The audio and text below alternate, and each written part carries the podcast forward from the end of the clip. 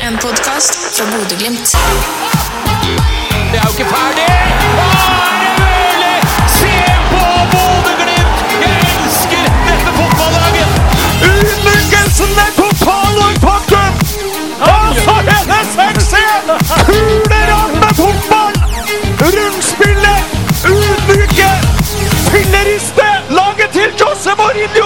Og han kommer ikke til å dra fort nok fra Bodø! Hjertelig velkommen skal du være til 433, en podkast fra Bodø-Glimt, som alltid i samarbeid med K. Hansen Optikk. Og for første gang i historien så kan jeg på en måte på ordentlig eh, si det ektefølt, for nå har jeg vært og fått meg briller fra K. Hansen Optikk, og kan se deg på andre sida av bordet her, eh, Marius, og det er bare fryd og gammen. Topp service. Ja, jeg er pen, da. Ja, Ja, takk. takk. Du, du har kommet deg veldig Jeg jo bruker linse, vet du. Ja, ja, ja. Så kanskje jeg skal ta meg en tur innom, uh, innom jeg òg. Ja, ville gjort det hvis jeg var deg. Eh, perfekt service. Eh, nydelig hjelp å få der. Du, i dag er det jo en, en eh, stor dag eh, i, i din podkastkarriere. Du måte for første gang skal være her i lag med en, en lagkamerat. Eh, er du klar for det? Klarer du å holde deg profesjonell nok i denne settingen her? Ja, det blir jo spennende. Det eneste å se. Men uh, jeg liker jo å tro at jeg skal klare det. Så kjenner jeg Ola godt, denne Solbakken. Så nei, jeg gleder meg. Tror det blir gøy. Du, før vi setter i gang, eh, vi sitter i Spania, eh, på mitt hotellrom nå her.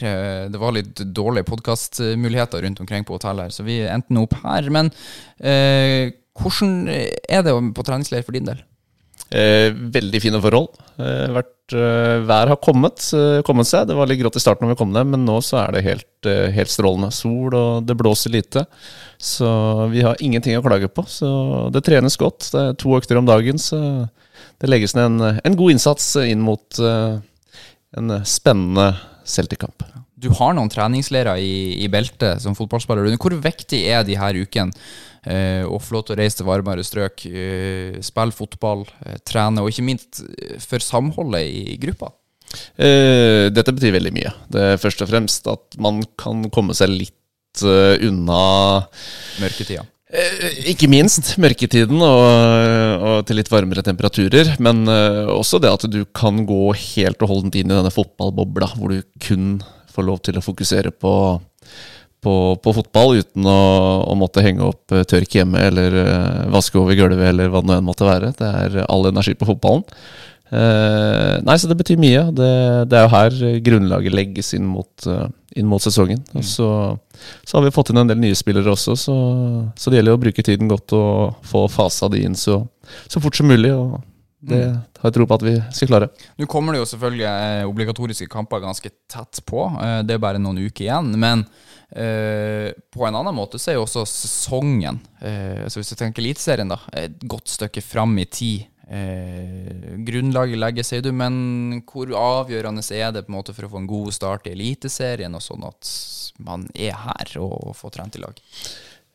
Nei, altså eh, Som du sier, så er det jo lenge til Eliteserien starter, så vi har jo god tid eh, til, til den, holdt jeg på å si. Men, eh, men det går mye på dette med å bygge samhold. Man lærer hverandre å kjenne. Man bor jo tett innpå hverandre hver eneste dag. Så, så man, eh, man eh, blir jo kjent på litt annen måte enn når vi kun, eh, kun er hjemme i, i, eh, i Bodø. Så, men at eh, treningsleiren har noe for seg, det, det har den så absolutt. Det er jo forhold som, som eh, er helt upåklagelige. Det er godt vær, det er godt klima. eh, Så det er, eh, det er det lille ekstra som du kanskje ikke får hjemme. Strålende. Du, skal vi åpne opp spaken og trekke inn ukas gjest? Det, det syns jeg. Nå står det noen klorer på døra her, så det syns jeg vi skal. Han er den eh, raskeste motorsykkelen i eh, Europa, og hjemsøker sannsynligvis stadig eh, José Mourinhos mareritt. Men det er ikke bare på den store scenen han eh, leverer. Ola Solbakken han har nemlig blitt en av de aller eh, største profilene i norsk fotball på ganske kort tid, og endelig har vi gleden til å ha han med oss her i 433. Ola Solbakken, hjertelig velkommen hit. Jo, takk for at jeg fikk være med, og en eh, fin intro. Ja, du eh, Hva syns du om, om motorsykkelsammenligninga José Mourinho kom med etter kampen eh, mot Roma? Nei, den var artig, den. Den var den er fin, og så er det artig å få, få ta litt skryt av eh, José Mourinho. Det, det er stort. Ja, hadde du eh, Har du på en måte sett for deg det før at det skulle skje? Eh, nei, jeg trodde ikke at han skulle eh, snakke om noen Glimt-historier i noen pressekonferanse, nei. Nei. Det trodde jeg ikke. Du, eh, vi sitter i Spania nå og eh, på treningsleir her. Eh, hvordan er formen og, og dagene under sola i Spania? Eh, formen er på vei, og så Ellers er det veldig bra. Bra fasiliteter. Trives i gruppa og ja, storkoser meg på tur. Så det er bra. Ja, det er fint. Du, når du sier at, at eh, formen er på vei, uh, har du, altså, hvor mye preger en sånn måned uh, av uh, trening formen? Nei, for min del så er det egentlig den første altså, juleferien der jeg ordentlig har hatt juleferie. Når Ja. vi var ferdige, så tok jeg ordentlig ferie, og Så jeg merka det når jeg starta i gang nå, at formen var mye, mye dårligere enn hva jeg brukte hvert når jeg starta opp, men uh, jeg hadde godt av det. Både mentalt og fysisk. Sto du, sto du over noen kamper i fjor, egentlig? Eh, bortsett fra skulderskaden, så gjorde jeg ikke det. Jeg skulle, stemmer det. Ja. Så ellers så når Bra trøkk. Bra trøkk, ja. Det var aldri, spilt, aldri en sesong jeg spilte så mye sånn som jeg gjorde i fjor. Nei, det var en, en, en intens sesong hvor eh, Altså, at man trenger eh, fri og få slappe av og sånn, det skjønner jeg, men hvor på en måte mentalt utfordrende Eller hvor sliten er du eh, t- 13. desember i 2021 når man på en måte er ferdig? Nei, jeg er ganske sliten, ja. Det var, har vært mye. Det var jo eh, Altså, det skjedde fort i høsten, og det var jo vel august jeg kom tilbake fra skulderskade. Så etter det så var det jo eh, to kamper i uka nesten hele veien. Og veldig artig, men selvfølgelig når du er først er ferdig, da, så er du, da er du sliten og ferdig med mm, i hodet. Ja, det, for det er jo flere som har snakka om det, på en måte underveis i sesongen så bruker man ikke så mye energi på å dvele ved verken seier eller tap eller noen ting sånt, men man tar på en måte det litt mer eh, etter sesongen er, er over. Og det var jo en sinnssyk sesong både i Eliteserien og i Europa, hvor på en måte mye tid brukte du i løpet av jula på å reflektere og se tilbake på det året som eh, var i 2021. Nei, egentlig ikke så mye. Jeg prøvde egentlig med en gang jeg kom hjem eh, på juleferie å bare koble av. Ikke tenke så mye på fotball og, og den biten der. Så, så jeg følte jeg ble ferdig med den eh, delen ganske fort. Så ja. Nei, det var godt å bare få juleferie og ikke tenke, tenk på alt annet enn fotball. Mm. Hva tenker du på da, når du ikke tenker på fotball? Hva, hva Nei, det er jo alt mulig. Det er, familie, det er å møte familie, venner, kjæreste, eh, hund. Det er alt. Alt mulig annet. Det er Ja. ikke noe fast. Men har du altså, interesser og hobbyer utenfor fotballbanen? Det regner jeg med. Hva er det det går i? Eh, Nei, det, jeg har ikke egentlig noe sånn kjempehobby. Jeg, har, jeg spiller jo en del, da, og så har jeg fått meg hund. Har kjæreste, så det blir jo litt eh, at det er det det går i. Eh, men det er ikke noe sånn eh, Si Brede som jeg har, liksom, som eh, elsker golf eller noe, den, det, har jeg ikke. Nei. Som du sier, du gamer en del. Mm. Og du har en litt sånn spesiell eh, koffert. Ja. Ja. Som, som det er PlayStation inni, eller? Nei, jeg har en, eh, si, hva, en costume-made eh, koffert som er laga til å reise. Spesialtilpassa, mener du? Spesialtilpassa Ja, ja. med en innebygd skjerm Ja. og innebygd som du skal sette fra PlayStation 5 inni med to konsoller. Så jeg får trille, trille med det- meg på tur. For den har jeg sett Ja, for den har du med på alle, stort sett de fleste borteturene. Ja. Men den er ikke alltid like enkel å få med inn i fly. Nei, den, når jeg kjøpte den, så var det jo Så står det jo liksom størrelsen og vekta at det er godkjent på fly, men det er nå ikke alle flyselskap. Og SAS blant annet er jo ikke godkjent. Så jeg kan jo ikke sende på koffert med, som en koffert, for da blir den hevet, og så er skjermen knust. Så jeg hos som regel var Botheim i fjor, da, og sniker meg rundt rumpa til Botheim og så inn forbi eh, flyvertinnene der. Men så var det en pilot som sto og tok imot meg i, i fjor, der eh, han så den kofferten og sa nei, jeg var for stor. Og så prøvde jeg meg på, så, og så var jeg liksom, da var jeg lei, det var siste flyturen før jeg skulle hjem, og da liksom flydd eh, hit og dit over, jeg var på europatur og sånn, og så nei, det går bra, og så gikk jeg bare. Og så sa han nei, du, den der er for stor. Og så prøvde jeg meg, jeg har flydd med før, så det går bra, liksom. Og, så, og da sa han bare du, ut. Så måtte jeg bare liksom, da måtte jeg jo snu, gikk ut. Gikk inn og sa at den her er for stor. Og den er jo litt, Jeg målte opp etter, den er litt for stor, men han veide ikke på den, er altfor tung. Den veier jo 20 kg, og det er 8 kg håndbagasje. Ja. Men så gikk jeg tilbake til, i skranken og sa jeg må sende her, jeg får ikke lov til å ha med på fly, men kan du legge på sånn lapp at jeg må være forsiktig med? Nei, det går ikke an, for det er batterien, så vi må på flyet. Så måtte hun bli med meg. Sto hun og krangla med piloten for min sak, og jeg så krangla. Endte opp med at jeg fikk en med. Han ble litt som bitter, han piloten, for han tapte den diskusjonen. Så jeg skriver en rapport på det på SAS.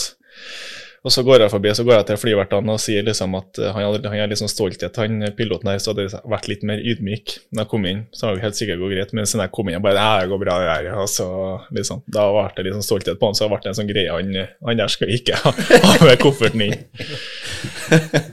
Men du kom deg jeg kom meg inn med en rapport på SAS.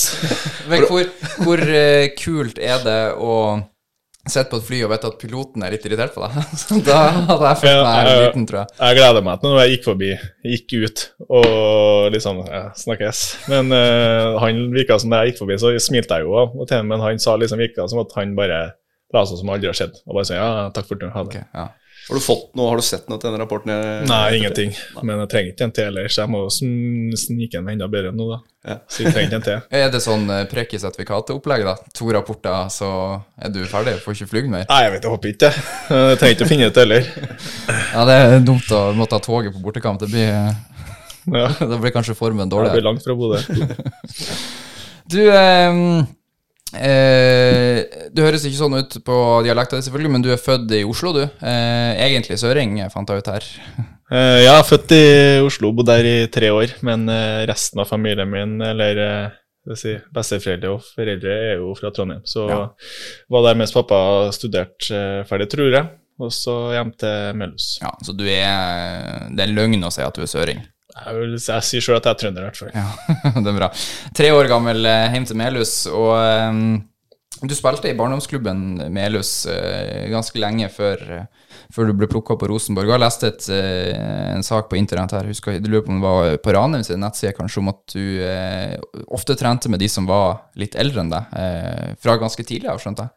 Ja, både jeg og Ola Skarsheim, som er i Rosenborg nå, gjorde det, for vi er jo like gamle. Og ja, bestekompisen min, eh, som er da en god kompis med faren til hva som var et bra kull. da, Jeg er født i 98 og bra kull i Melhus fotball 95. Mm.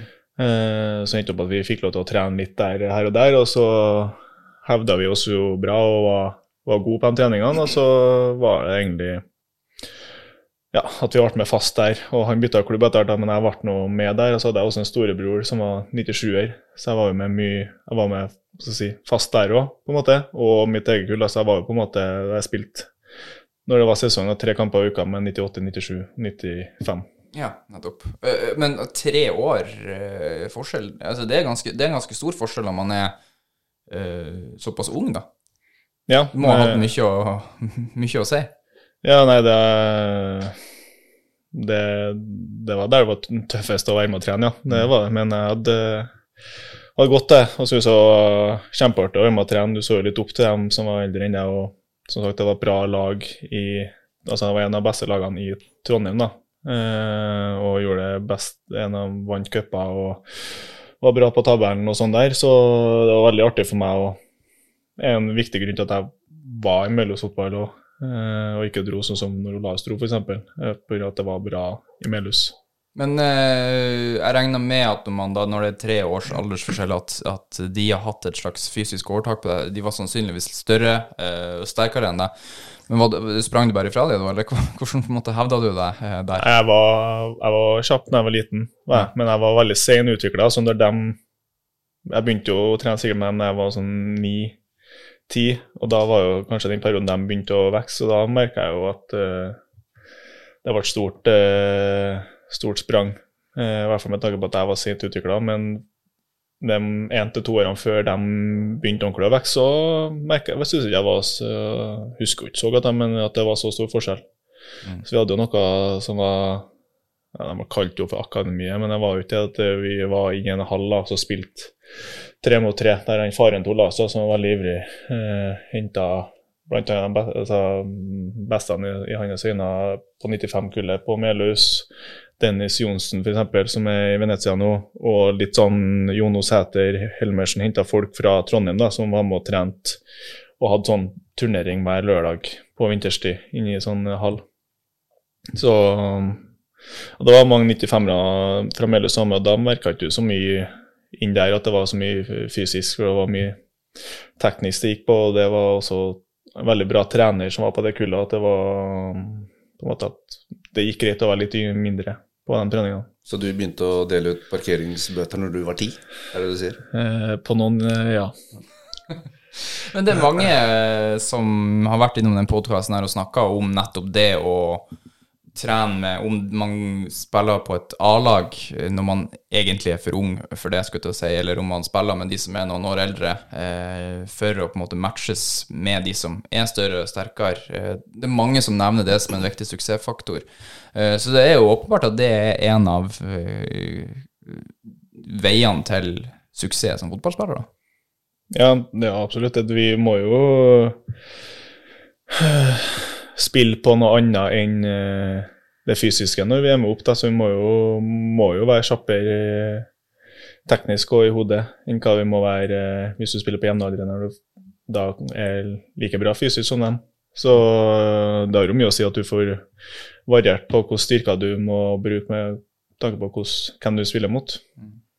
Nå, Jeg vet ikke om det å på en måte være rask eh, Nå har jeg alltid vært treg, så eh, det å på en måte være rask, det er noe du blir født som. Eller kan du trene deg opp på det? Vi har fått et spørsmål fra en lytter som heter eh, King Drusen på Instagram, som spør om nettopp om du har noen tips til unge fotballspillere for å bli raskere. Uh, nei, som sagt, jeg har alltid vært rask. Eh, eh, men jeg jobber jo selvfølgelig med det, men det er jo ikke så mye mer å gjøre enn å trene eksplosivt eller eh, eh, Når jeg var litt yngre, så sprang jeg mye i sånn slakke eh, motbakker uten at jeg vet hvorfor, men pappa da sa nå at det var bra, så Nei, jeg har ikke så mye mer eh, tips enn den for å være rask. Det, jeg tror det er veldig mye genetisk eller eh, medfødt.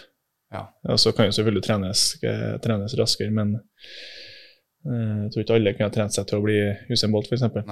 Det, det er for seint for meg å bli like rask som deg, med andre ord. Det, det, det har ikke sett deg sprunget, med, jeg vil tro det. det er greit å vite, da skal jeg ikke Jeg gidder ikke prøve engang. Det orker jeg ikke. Men eh, har du noen gang vært eh, på en måte Nå, åpenbart, så eh, sprenger du fort, og så får du med deg ballen, og det er jo en stor fordel. Men jeg har huska da jeg var yngre, at de raske på laget eh, hadde en tendens på en måte sprenge fra ballen. Så de, fikk, de var for raske for sin egen teknikk, at de klarte ikke å ta med seg ballen. Var det noe du sleit med, eller har du Nei. hatt den der ballteknikken hele veien òg? Nei, jeg føler den har vært med siden jeg var sein utvikla. Eller at det, når først eh, alderen min altså, kom i puberteten, så var jeg ganske seint. Eh, så når jeg var si, guttespiller og ung, sånn der, så var jeg rask. Også når vi kom da i puberteten, så jo, vokste jo folk, og da var ikke det på en måte like stor styrken min som det var da jeg var yngre, eller sånn som det er nå. Så da måtte jeg jo tilpasse meg igjen. Og det husker jeg at det slet jeg litt med. Sånn, eh, det syns jeg var ordentlig kjipt. liksom En lagkompis som jeg sprang fra lett før, så et halvår etterpå så springer han fra meg. Eh, eller like fort, så Er dette folk som er jevngamle, men som kommer Ja. tidligere i puberteten? da? Ja, like gammel at du kunne liksom springe kapp mot en i eh, klassekameraten din i femte, og så knuser hun, og så kommer du i sjette, og så slår han deg. Eh, for at han er såpass tidlig ut. Så, så akkurat det progressinga der, den har ikke jeg hatt. At, eh, jeg tror det har vært mer motsatt. At jeg hadde med ballen, og så kommer farta litt etterpå. Mm, nettopp.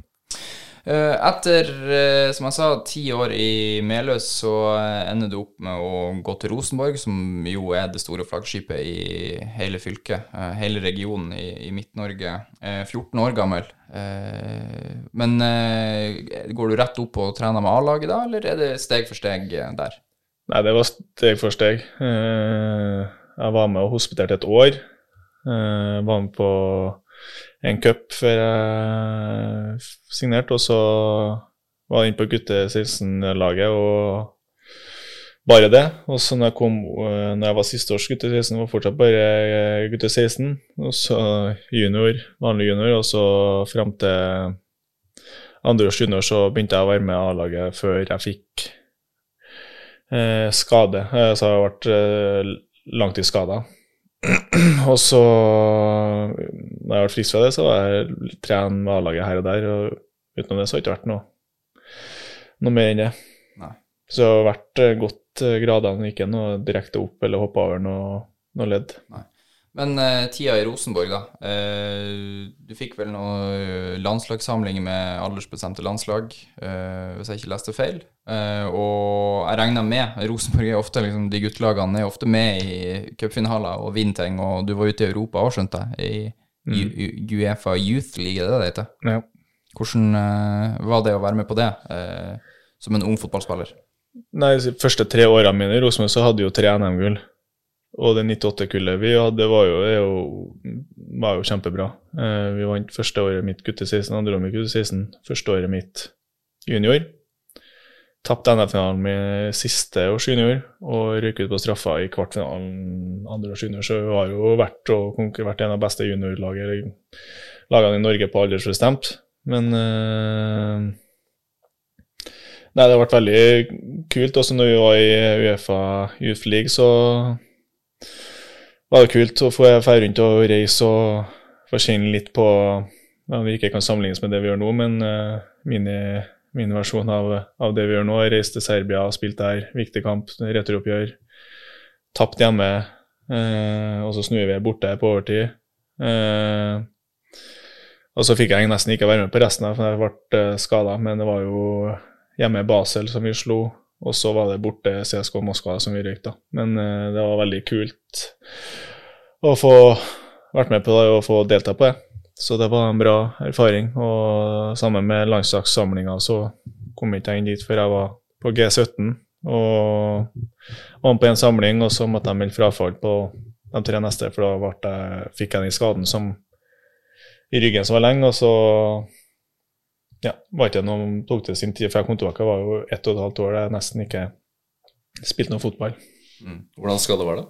30 i ryggen, og så feilbehandling og diverse. Så det ble aldri bra. Og ja, mye forskjellige folk som skulle fikse det, før vi faktisk fant en ryggspesialist som eh, klarte, å, klarte å fikse. Men da var han såpass så var ryggen såpass eh, kjørt at det eh, tok et halvår før eh, etter jeg kom til han, før jeg var spilt kamp igjen. Mm. Men, men er du, altså, det, det, høres jo alvor Altså, Er du helt frisk fra det nå, eller er det sånn at det henger litt igjen? Nei, det er jo Jeg, jeg kan ikke si helt sikkert, da, men jeg fikk beskjed at eh, For det er jo 30, 30 sprudd, og at eh, 20 eller noe sånt eh, ikke gror. Mm. Og det er liksom da noe du må jo, altså, ha kontroll på resten av livet, på en måte. Eh, og hvis jeg vil, så får jeg vondt akkurat samme plassen der jeg hadde vondt nå. Men jeg har, gjør jo de øvelsene, eller mye kjerne, da, som sørger for at jeg har den, altså jeg har den skaden i sjakk. Men jeg kan ikke si om den er er der nå eller ikke. Men jeg kan få vondt hvis jeg, hvis jeg bare gjør en bevegelse som eh, den ikke liker, så sier den fra, ja. Ja, ok. Ja, så hvis, hvis, også hvis du gir faen og sluntrer unna med trening og den type ting, så kjenner du smerten, da? eller? ja. Ja, nettopp. Eh, i, altså Du nevnte det så vidt, altså denne tida i Rosenborg med ut og reise og Europa og den type ting. Du sa kalte det en miniversjon. Uh, men det er jo et, eh, et veldig godt tilbud for unge fotballspillere til å få en liten forsmak på uh, profflivet. da. Hvor må du ha, Føler du at det har betydd noe for deg, eller annet enn at det var kult, liksom? Altså, det gir jo selvfølgelig mersmak. da. Det er jo liksom etter at vi vant uh, NM det året, og vi var ute i, ø, og spilte de europakampene, så var det ikke bare at vi, vi vinner ikke bare NM junior, men vi får også noen muligheten til å gjøre det på nytt. Så det var jo selvfølgelig en motivasjon for å gjøre det på Altså, en ekstra motivasjon da, på å vinne NM-gullet var, var for den. Så, men utenom det så var jeg så Får litt erfaring på hvordan eh, internasjonal hvor stor forskjell det er på norsk fotball og internasjonal, og det, den er jo ganske stor. Og så, men utenom det så syns jeg jo bare da, akkurat det da, så var det jo bare kult. Mm. Har du, eh, fikk du den type erfaring som ung fotballspiller, Marius? Nei, ikke noe sånn Uefa Youth-greier. Men eh, jeg var på noe prøvespill da jeg var ung. Ja, Det var jeg. Men eh, ikke i den grad Ola har vært med på. nettopp. Du, etter fem år i Rosenborg så valgte du å gå til Ranheim og da på en måte forlate det som er, eh, som jeg var inne på, på en måte det store klubben og flaggskipet i, Trøndelag. Eh, var det for å få spilletid, og at du så for deg at det var en lettere vei fram til eh, målet ditt, eller var det andre ting som lå bak den avgjørelsen? Nei, akkurat der da så var det nesten Altså, det var en del Obos-klubber som var interessert, men akkurat der da så var det vel eh, Ja, eneste eliteserieklubben som var interessert. Og det kan jeg jo forstå, etter som jeg sa, at jeg var liksom siste to årene mine før jeg ble seniorspiller, så var jeg ute i ett og et halvt år. Så det var, jeg var vel ikke var ikke så veldig attraktiv spiller da. Så da var det jo no-brainer når Ranheim sa at de ville når de rykka opp og sa de ville ha meg, så var det egentlig et lett valg. Mm. Så det var aldri noe tvil. Rosenborg tilbød meg å være overårig junior og trene med juniorlaget, og av og til A-laget, men det var ikke noe Det var ikke jeg interessert i, så det var et enkelt valg å dra til Ranheim. ja. Og dette var jo da, som du sier, de hadde akkurat rykka opp da, eh, i 2018, du er 19 år gammel, eh, og da er det kanskje på tide å, å på en måte teste ut det neste steget da, opp i Eliteserien. Hvordan var møtet med det øverste nivået i, i norsk fotball for din del? Ja, det var veldig bra. Vi gjorde det jo helt sinnssykt bra i starten. Det var jo det var ingen, ingen som forventa den. Vi lå vel på jeg vet ikke, tredje- eller fjerdeplass i sommeren og mestskårende laget. og Hele gjengen var halvproff. Så, så jeg syns jo den var veldig bra. Og så når jeg også da følte at eh, jeg hevde meg bra på trening her, og spilte jo ikke så mye i starten, men at jeg hevde meg bra på trening her, og da ser at det ikke er så lang vei opp, så syns jeg egentlig jeg hadde veldig fint og bra møte med toppfotballen i Norge. Mm.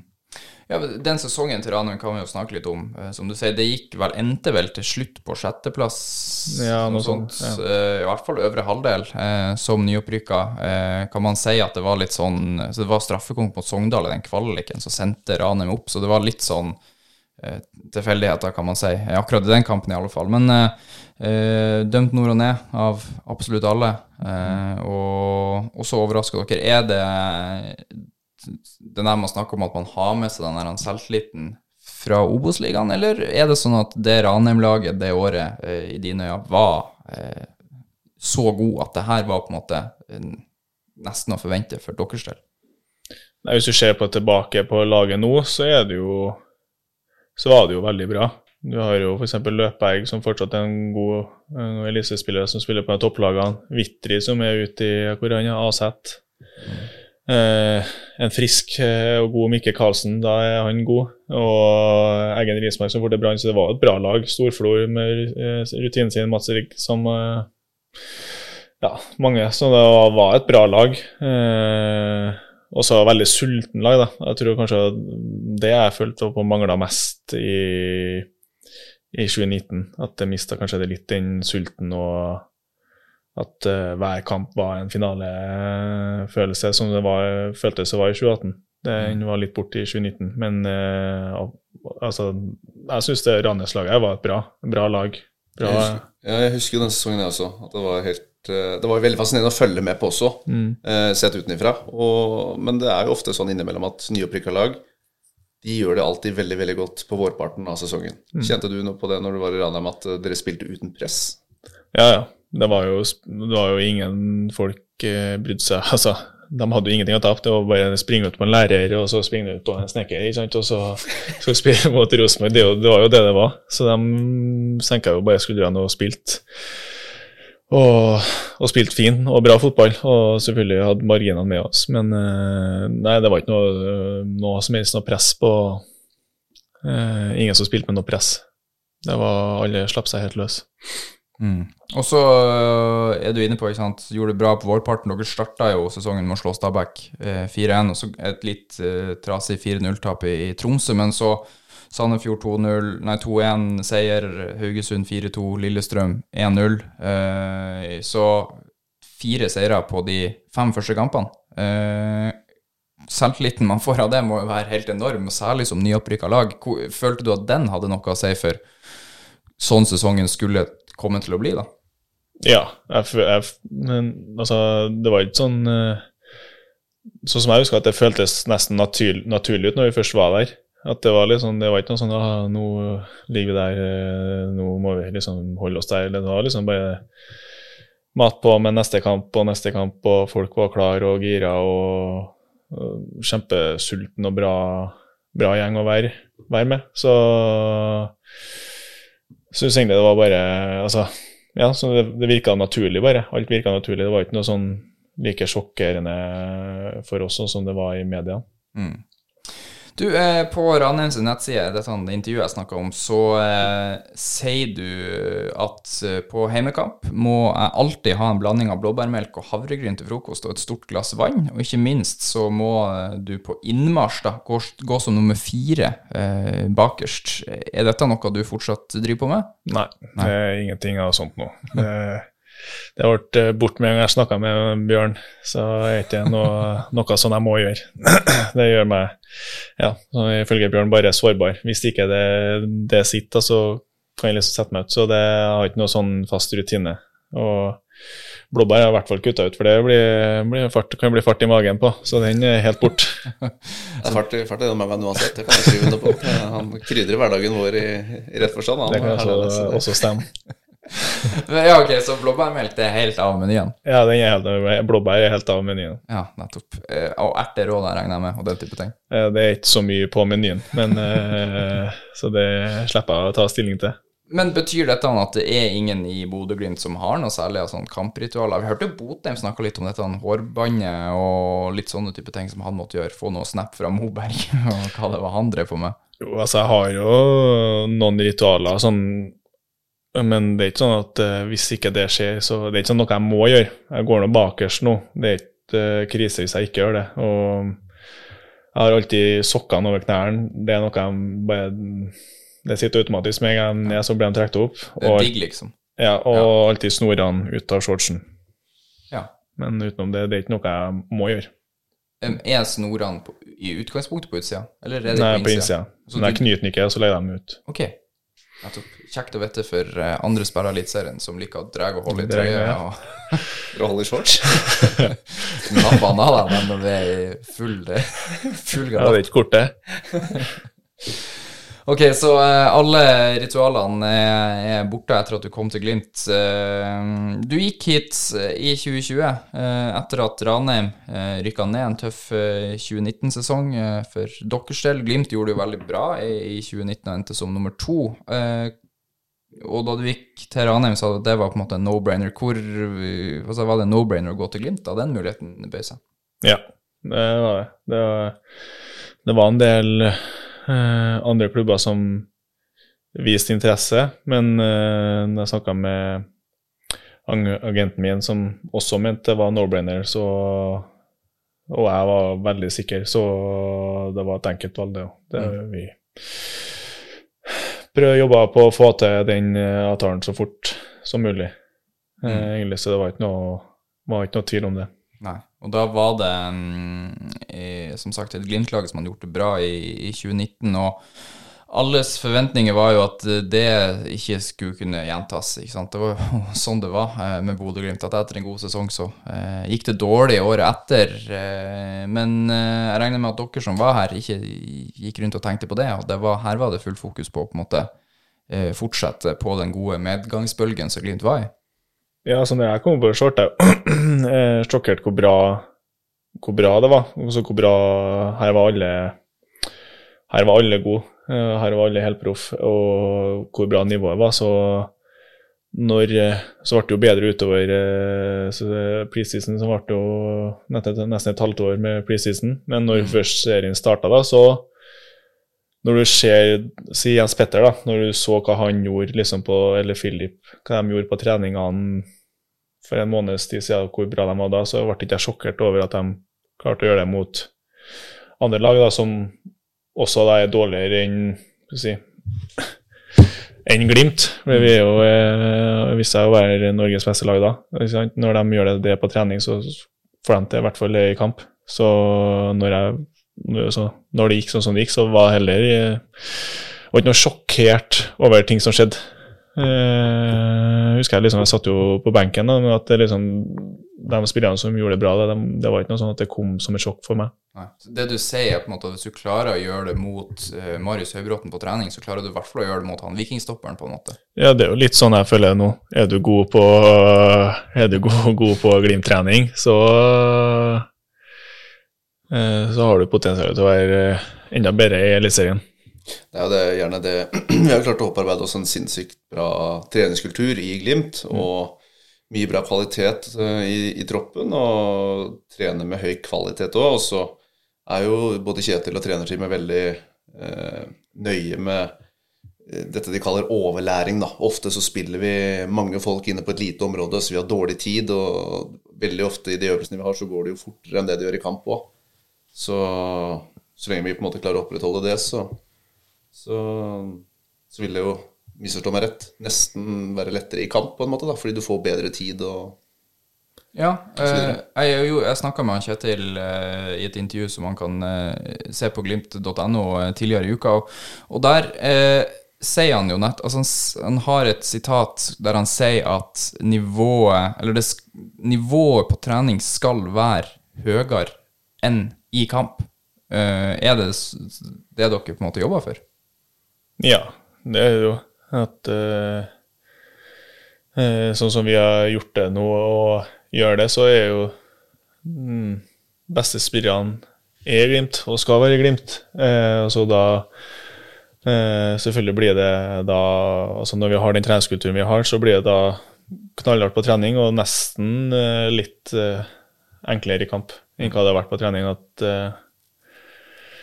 ja, få litt mer tid, få litt mer rom.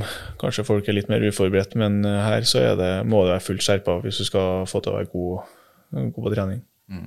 De, de, sier jo det de trener nå, at de, vi er jo ikke den klubben som trener lengst, men vi skal være den klubben som trener med mest kvalitet. Og det føler jeg at vi gjør. Mm. Men eh, interessant også for deg, Ola. på en måte, Du, du sier du ble litt overraska over hvor eh, profesjonell eh, alt var i Glimt da du kom hit. For du kommer jo faktisk, selv om du kommer fra to sesonger i Eliteserien og en eliteserieklubb, så kommer du jo fra en klubb som du sier, liksom, der folk eh, jobber ved sida. Eh, Ranheim er jo en liten klubb. og, og for liten for Eliteserien på, på, et vis. Ikke sant? Sånn sett. Så uh, hvordan var den overgangen? Uh, å kunne på en måte fokusere på fotball og kun det, og, og det var det alle andre gjorde òg?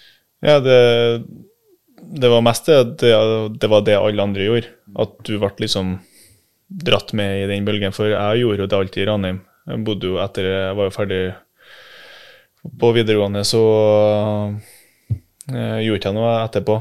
Så hadde jeg et år der jeg ikke gjorde noe. Og da var jeg jo jeg helt, helt proff, eller om ikke lønna var deretter. Men jeg bodde hjemme og Så på en måte Største forskjell for meg var at alle andre gjorde det. At, uh, så at du trengte ikke å bekymre deg for at uh, en uh, kom litt for sent for en måtte stå og snakke med foreldrene til en unge som ikke oppførte seg, eller var sliten. for noe sånn, liksom Alle kom 100% skjerpa hver dag da, på hver trening. og Derfor må du òg være det hvis du skal bli med på den bølgen. At uh, alle er helt proffe, og alle er da 100 skjerpa til hver trening. At det er vel det som er største forskjellen, og det blir jo veldig stor forskjell over tid.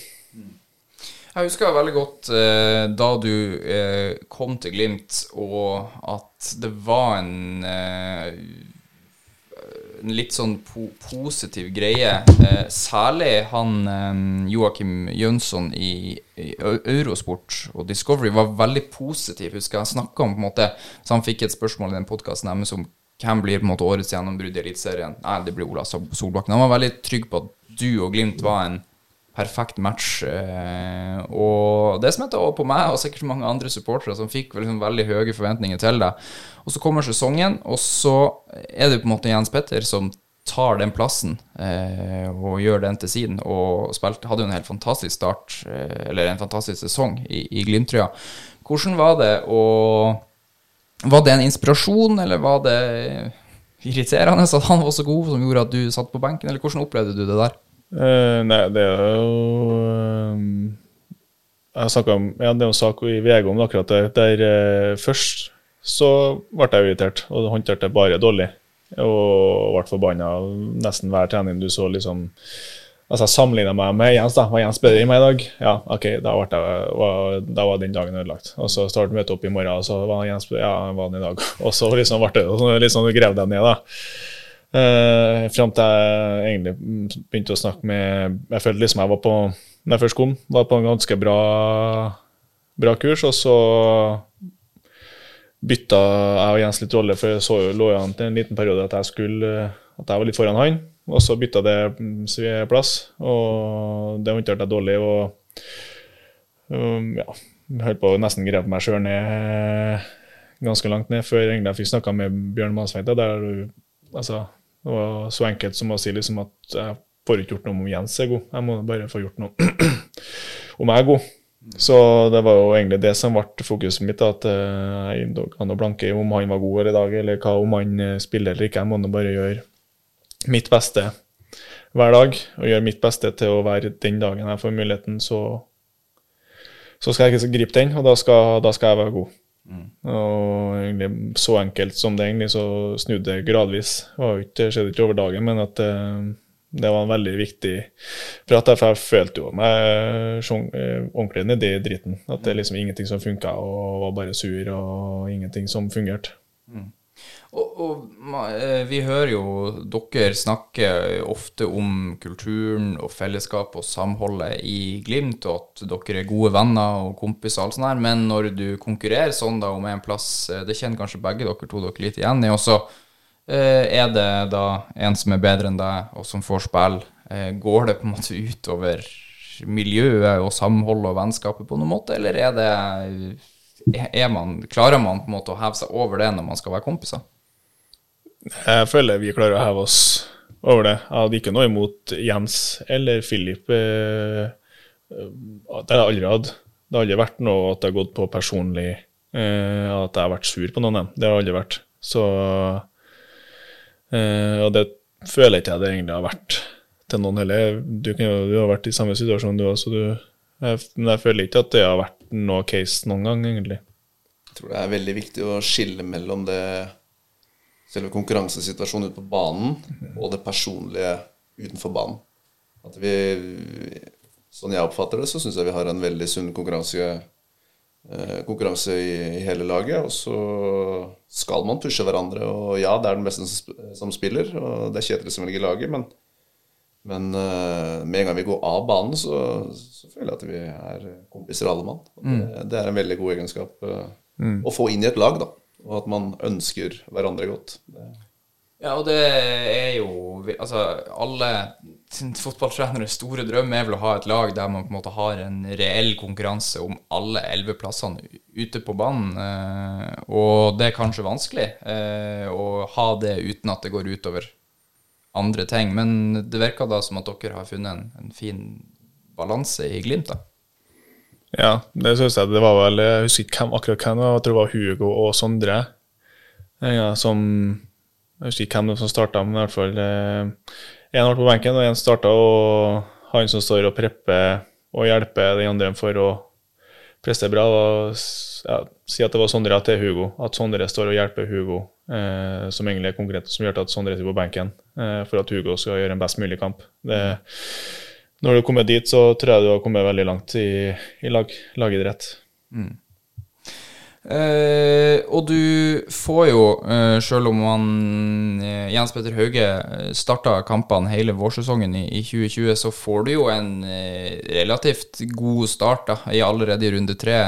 Ola borte mot gamleklubben på Lerkendal. fortell litt om hva som går gjennom hodet ditt når du på overtid senker gamle lagkamerater og, og snur kampen til seier. Nei, det var det var deilig, ja. Det var sykt deilig for uh, um, mest min del i, i Glimt, sånn hvordan det var der. Det var godt å få gjort det. Og selvfølgelig så er det ekstra deilig å gjøre det på Lerkendal og mot Rosenborg, men uh, sånn jeg aldri hadde den uh, Aldri hatt noe sånn bitterhet overfor Rosenborg med tanke på Det var ikke sånn ja, her, dere har ikke mer sjansen for at jeg satte igjen satte mål mot dere nå. Liksom. Det var aldri hatt den mot Rosenborg, så det, det, var ikke noe sånn følelse mot dem. Men det var Ikke revansj, liksom? Nei. nei.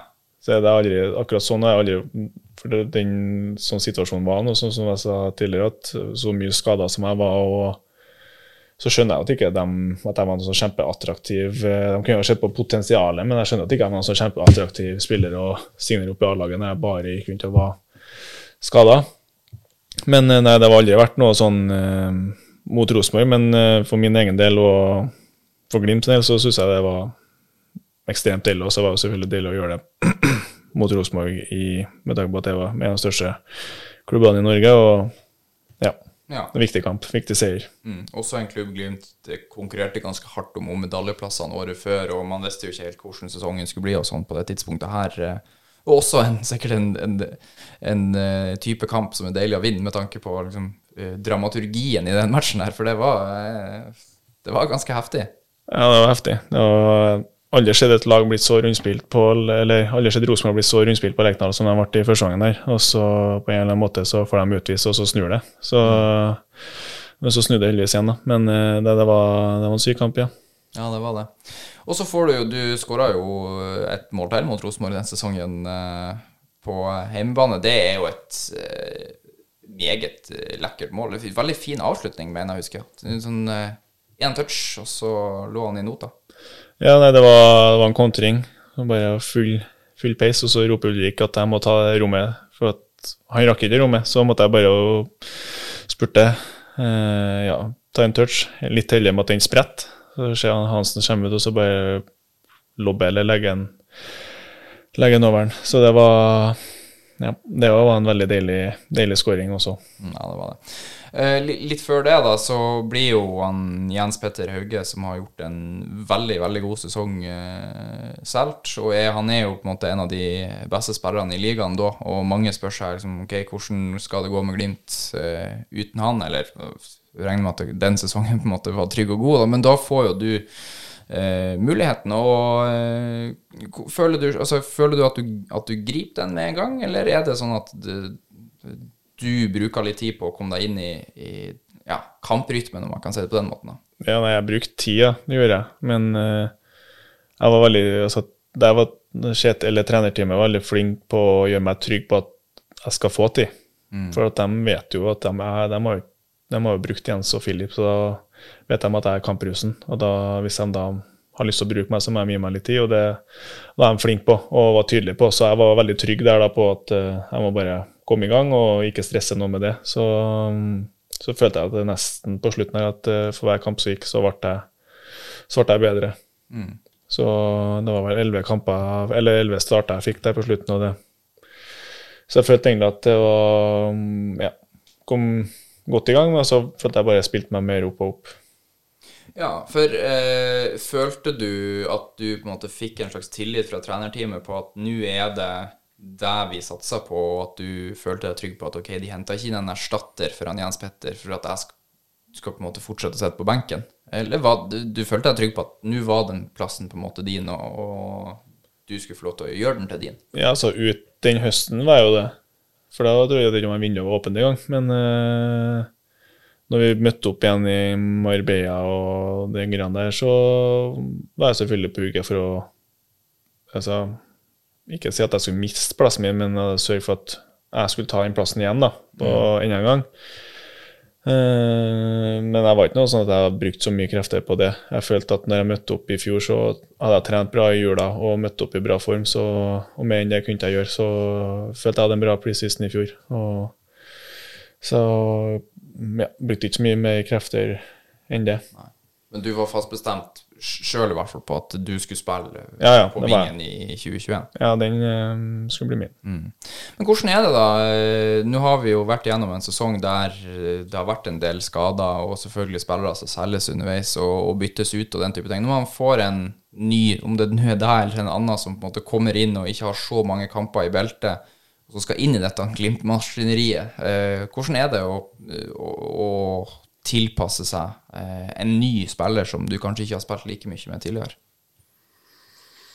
Uh, nei, det er jo Du må bare prøve å hjelpe han, og så føler jeg det er veldig bra på altså, hvis godfotteorien som Nils Arne har brukt. At de altså, Alle spillere er forskjellige, så de må få spille på sine styrker. Og da må vi som lag prøve å også få spille på de, styr, de styrkene, ikke la han eh, altså, Fredrik er borte nå, så skal ikke komme inn en venstreback og håpe at han er helt lik Fredrik. Han må få løst det på sin måte. og Sånn han er god, samme som Lode borte nå, og Høybråten inn. De er jo ikke samme spille, spillestil, men uh, Høybråten må få løst det på sin, sin måte, og, og det er viktig for vi, vi spillerne som lag lar han gjøre, og ikke håper det kommer noen kopi av eh, altså, de spillerne som har vært der. Så det er veldig viktig at de, altså, vi må spille på styrkene til hver enkelt. Men kompenserer man på noe vis? Altså, la oss si at eh, en av dine største styrker er å slå innlegg, da. Men så er det en annen spiss nå som ikke er like god på å fylle inn i boks. Altså, og da må sikkert du slå færre innlegg. Eller så før, før, altså, kompenserer man på en måte med egne ferdigheter for å spille andre gode, eller hvordan gjør man det? Ja, jeg føler mye av på nivået her så kommer mye av det naturlige, da. men så er det jo mye av hvordan man eh, altså, hvordan man scouter eller hvordan man henter spillere. Det tror jeg har vært litt eh, mismatch hvis du henter en kant som bare slår innlegg, og så har du en spiss som ikke skal få innlegg. så... en dårlig eksempel, kanskje. Det. Men eh, jeg skjønner ikke Nei, jeg tror det er mye på nivået her, så er det jo Ja, vi må bare lære oss å skjønne hverandre og hvordan man vil løse det, og så går det som regel bra så lenge man drar i samme retning, og det eh, Blir man tvunget til her i Glimt, det går ikke an å dra i en annen retning, det, da detter du ut. Så du, man må alle, alle om bord, og alle drar i samme retning. Så man blir, blir en del av det til slutt.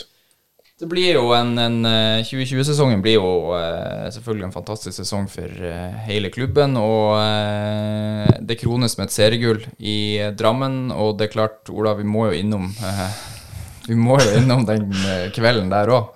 for for eh, du, du har jo fått en egen sang på Aspmyra etter den kvelden, og, og eh, det snakkes jo om.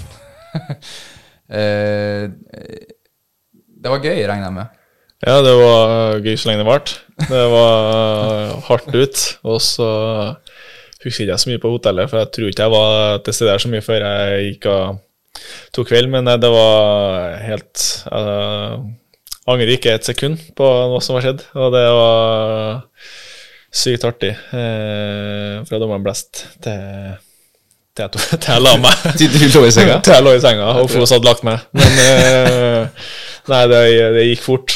Eh, Og det høres ut som du er ansvarlig, da, og går tidlig og legger deg når nei, det var Fos som la meg, var det. Nå var nok. Men det, var, det, det tok ikke mange minuttene fra den kampen det var blåst at du var litt småskeiv i knærne. Nei, nei, det, var, det tok jo altså Jeg har sett bilder av meg etterpå der jeg nesten ser ut som helt på trynet, og det er jo sikkert halvtime etter kampen. kanskje litt. Der, Men er liksom, du drikker jo nesten ikke eh, Drakk jo nesten ikke hele det året. Eh, hadde ikke smakt alkohol nesten. Og så på kampdag så spiser du nesten ingenting. Og det var mot Godset, som alltid blir en løpekamp. Og når jeg kommer i garderoben, tok jeg ett pizzastykke, ikke én slurp vann, og rett på vin og champagne. så, og jeg tror ikke jeg drakk så mye fortere enn andre, men jeg, jeg tåler jo ikke det ølet, vet du, så jeg drakk jo bare like fort, men jeg drakk, drakk jo fort eh, det som var dobbelt eller trippelt så sterkt. Så det var jo ikke rett, eh, rett inn.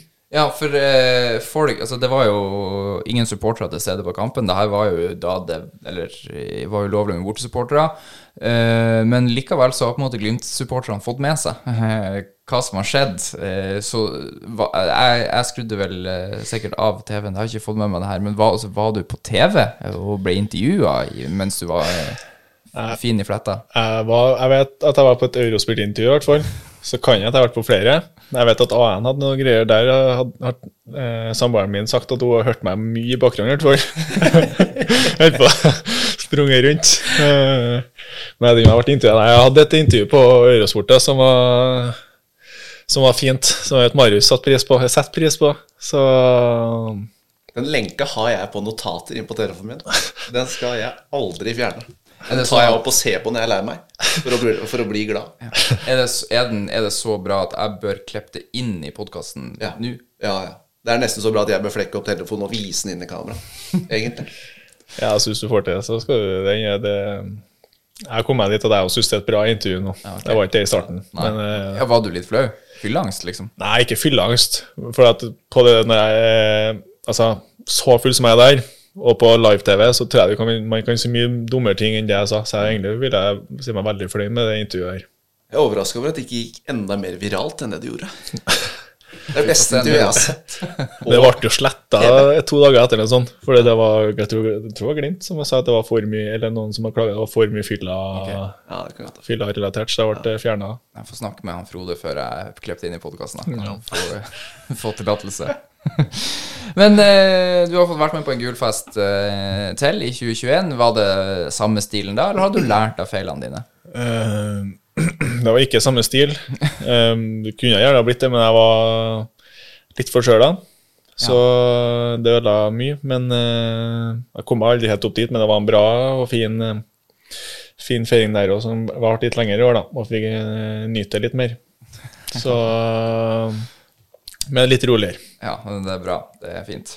Uh, ja, vi var, vi var jo innom liksom, sesongoppkjøringa foran 2021-sesongen uh, litt i stad, og du snakka om at uh, treningsleir i Marbella, og du var gira på å gjøre plassen eh, til din, og det gjorde du jo, og du var jo foretrukket på kanten hele sesongen, men du hadde en, en skulderskade som satte deg ut en periode. Men ellers så spilte du stort sett alltid 2021.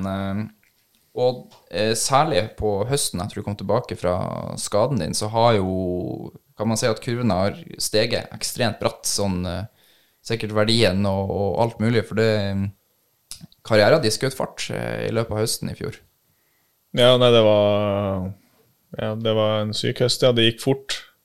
Fra å være eh, Altså Fra å gå med fatle til liksom det du var Altså nesten altså, i livs, mitt livsform, og i tillegg bytta posisjon som jeg ikke har spilt på lenge. Eller bytta side, da. Uh, nei, det var Ja, det gikk fort, og følte at både jeg og Glimt uh, rei på en veldig god, god bølge. Og det gjorde vi nå egentlig helt til, helt til serieslutt. Så det var artig å være Glimt-spiller. Eh, høsten 2021. Og det er mm, ekstremt artig at det var bare kamp etter kamp etter kamp, at du ja, fikk, fikk ikke pause, du fikk bare spilt og spilt og spilt. Så det var veldig artig. Hva var det som gjorde at det løsna sånn for deg? Så når du tenker tilbake på den perioden der? Det vet jeg, jeg vet egentlig ikke. Jeg vet ikke om det kan jeg si at det er bare fordi jeg bytta side eller ikke, men jeg følte jeg ble mye, mye friere egentlig alt jeg gjorde, og slapp meg mye mer løs. Eh, på alle slags mulige måter, både offensivt og defensivt. og eh, ja, fikk spill på mine styrker og spill på mine styrker. Eh, så jeg har ikke egentlig noe sånn spesielt svar på det. Hvorfor eh, det var så mye bedre høsten enn våren, f.eks. Men brukte du skadeavbrekket ditt eh, på en måte pose, altså til å eh, bli bedre på noe som helst måte? For det føles jo litt som om det var et slags uh, brytepunkt her, da. Når du gikk av med den skaden, og når du kom tilbake, så var det full fyr i teltet. Ja, det er jo nesten sånn at jeg kan si at uh, der og da så syns jeg det var ekstremt kjipt, Når det skjer på i ettertid, så er det nesten at jeg har hatt godt av den lille pausen, eller hva jeg skal kalle det. For at uh, vi var jo i Marbella her, vet ikke i seks uker. Og mye frem og tilbake og trent og trent, og begynte ikke før 16. mai. Og så nesten sånn der jeg husker når jeg, første kampene jeg begynte å spille de kampene, f.eks. vi møtte hjemme i Rosenborg, så følte jeg meg litt sånn eh, mm, paff, nesten. At det var sånn Ja, en kamp, da. Liksom, for å gjøre mitt beste å spille den. var ikke sånn ordentlig Du skal tro at når jeg møtte altså, hjemme mot storlagene, at du, man er ordentlig på huggen. og Jeg følte meg ikke helt påskrudd. Du var liksom Du var ikke gira, på en måte? Nesten. Ja, du kan si det, at jeg var jo gira, men eh, jeg var ikke helt der jeg burde ha vært. Nei. Sånn eh, hvor jeg- at sånn påtenkt jeg var, var til kamp. Uh, men det varte jo ikke Altså det varte ikke helt fram til skaden, men jeg husker helt i starten av, kampen, eh, starten av sesongen så slet jeg litt med det. At det var litt sånn Nesten kan jeg kalle, kalle at jeg var likegyldig, liksom. At jeg var sånn Ja, jeg skal spille og vi skal gjøre vårt beste og ha en god prestasjon, men at uh, det betydde ikke så mye for meg sånn som det gjorde uh, etter hvert. da, Når jeg først kom litt i gang og jeg følte at jeg, både vi som lag og jeg begynte å komme i gang i de kampene før jeg gikk ut med, med skuldra. Uh, så det var jo bare snakk om det her og første treffet i kampene, kanskje bare. Men uh, utenom det så syns jeg jeg har gått, gått bra. Jeg husker når jeg fikk den skaden, så var jo kamp, Før den kampen så fikk jo uh, ga Kjetil meg beskjed at han hadde fått beskjed av Ståle Solbakken og sa at de sier at de følger med følger med ekstra nå og liksom at jeg kan være aktuell etter en samling. Og jeg følte liksom når jeg ble skada, at det bare, ja, det rakna alt. Og så, men så hadde jeg egentlig, når jeg ser på ettertid, at det hadde gått. Og den var bare ute i fem uker, det gikk jo fort og var tilbake veldig fort. At det nesten hadde gått, for da var jeg ekstremt eh, sulten når jeg kom tilbake. Og så liksom hvilke kamper jeg mista med legakampene og det der. Mm, ikke sant? For du gikk av eh, hjemme mot Molde, eh, gjorde du ikke det? Eh, og så er det jo en periode der uh, du er ute, vi har Champions League-kvalifiseringa, men det er også en periode der hvis man skal si at Glimt i 2021 hadde en dårlig periode, da, så er det vel rundt da det par bort, tapte hjemme mot Molde, tapte bort mot Sandefjord. Uh, ja, også Legia-kampene, da. Men eh, hvis vi utelukker Pristina eh, og den, det tapet der i Kosovo, så er jo tapet mot Molde liksom det siste eh, tapet eh, den sesongen. Så eh, den dårlige perioden er jo egentlig en ganske god periode, men eh, at du, når du kommer tilbake, så er også laget på vei oppover. At det på en måte kanskje har en slags sammenheng med din form og lagets form og, og den type ting. Hva tenker du om det? Nei, det var jo flere enn meg. altså Fredrik var på, på, vei tilbake. Jeg tror begge vi to spilte den første kampen borte mot eh, Pristina etter skade. Og ja, jeg skal si, nesten så vi si at laget fikk en sånn utblåsning etter de eh, CL-kampene eller legakampene, og litt sånn at vi fikk litt sånn realitetssjekk at nå må vi ordentlig opp på hesten og, og gjøre vårt beste. Det, det går ikke av seg sjøl. Eh, og da, jeg synes når jeg kom tilbake, så var det en kjempedriv i hele gruppa og laget. Eh, så ja, det var fin timing og god og godt å komme tilbake. Vi var ekstremt sultne. Jeg vet ikke hvilken plass vi lå på. Vi ser jo ikke, skal jo ikke se så mye på tabellen her i Glimt, men eh, jeg vet ikke hvilken plass vi lå på. Men jeg følte at vi var veldig i angrepsposisjon når jeg kom tilbake. Litt mer enn hva Hva var var. første kampen din tilbake? Det var borte i Pristina. Det var bort mot uh, Pristina, ja. Så i den perioden der det var pause i Eliteserien, dere kun spilte Europa Ja. Uh, Ja. Da, det, altså, det var jo andre-tredjeplass, da. Lå vel A-poeng Lillestrøm, som var den første seriekampen etter Da der. har vi møtt Lillestrøm fort, husker jeg. Ja. Ja, det var første serierunden din, da, eh, etter skaden. Ja. Um, så etter det så, så så dere jo dere aldri tilbake, samtidig som eh, vi som i Glimt som får lov å se på tabellen, la jeg merke til at Molde hadde en motsatt dupp. da. Idet dere får opp, så gikk Molde litt ned. Og, og man begynte kanskje for alvor å tro på at man kunne gjøre det igjen, da. Og få en ny sjanse i Champions League-kvalifisering og den type ting. Eh, du sa det i stad at høsten, eh, at det var artig å være Glimt-spiller i høsten 2021. men Eh, Kan du si litt om eh, altså, Klarer du å sette litt ord på hva det egentlig var som foregikk? For det var jo bare seier på seier på seier og sinnssyke opplevelser. Ja, jeg tror det er mye at vi var inne i den eh, Altså at vi var veldig angreps, angrepsposisjon. At vi kom litt, litt inn ja, Vi har ikke noe tap, vi skal bare vi skal gjøre vårt beste og gjøre en god prestasjon. Og så, og så kan vi ikke gjøre så mye mer. Og så gode som vi er, så vi, har vi jo bakhodet at vi vet at det er nok. I, hvert fall i, i Eliteserien. At hvis vi er gode og har en god dag, så skal det være nok til å si, ha en god prestasjon, eller vinne kampene. Eh, og vi var ekstremt der, da, at vi bare vant en kamp og tenker neste kamp, og vant en kamp og så tenker neste, og la, la bak oss eh, mm, Altså tok med oss godfølelsene, og så vi tok det med til neste kamp, og så var det neste gang som var fokus. og ja, jeg synes høsten gikk ekstremt fort, for det var bare kamp og kamp. Og klart å holde fokus, hele gruppa klarte å holde fokus inn mot neste kamp. At det var ikke noen sånne avsporinger. Og så må vi jo eh, innom Roma-kampene. Eh, Heime 6-1 mot eh, Roma. Eh, stadion smekkfull. Eh, og så skåra du to mål. Eh, parkerer hele den evige stad og, Og altså, det er jo en helt uh, surrealistisk fotballkamp å være vitne til. Uh, ja, hvordan var det å være utpå der? Nei, det Kaldt? Kaldt var det. Og de første to-tre minutter så hadde jeg jo starta høyreving og mot Så jeg var nærmest hovedtribunen. Så hadde jo Mourinho rett ved siden av meg, så var jo liksom, du snudde deg litt, og det var stort. Eh, men altså, når du først Kampen, altså når du først kom, kom inn i det, og sånn der, så la du bare bort alt at det var mot Roma og det der. Og sånn kampen var, så vi var effektive, var vi, men når kampen eh, sånn som den var, og 6-1, så der og da, så mm, I kampen så er det sånn Ja.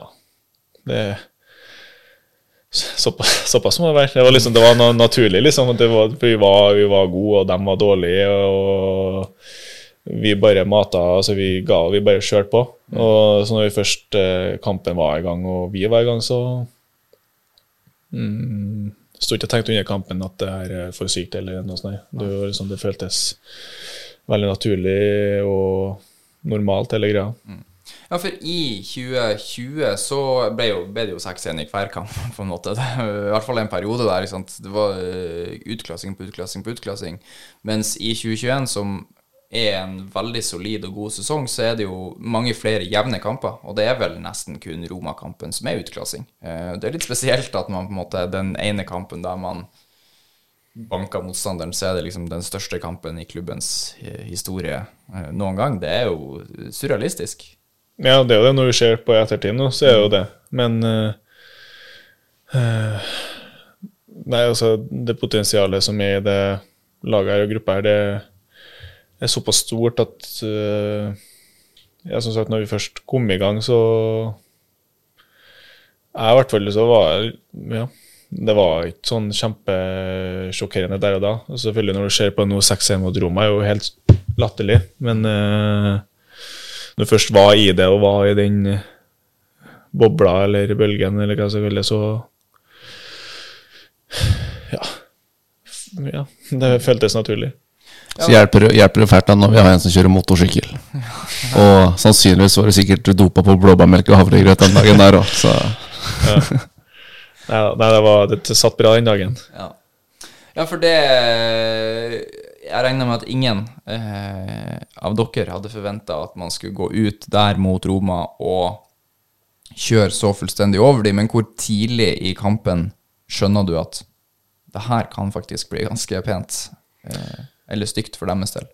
Ja, nei, det er jo sånn når vi som jeg sa, at vi, når vi starter kampen, så er liksom ja, Mourinho ved siden av meg, det er kult, og Roma, det er stort, og sånn her. Og så vet ikke hvor lang tid det tar før vi skårer, men uh, 20 minutter ca. før 1-0-skåringa kommer. Ja, men jeg føler at uh, Først så tenker jeg at det her, fortsetter vi sånn her, så slår vi det laget her.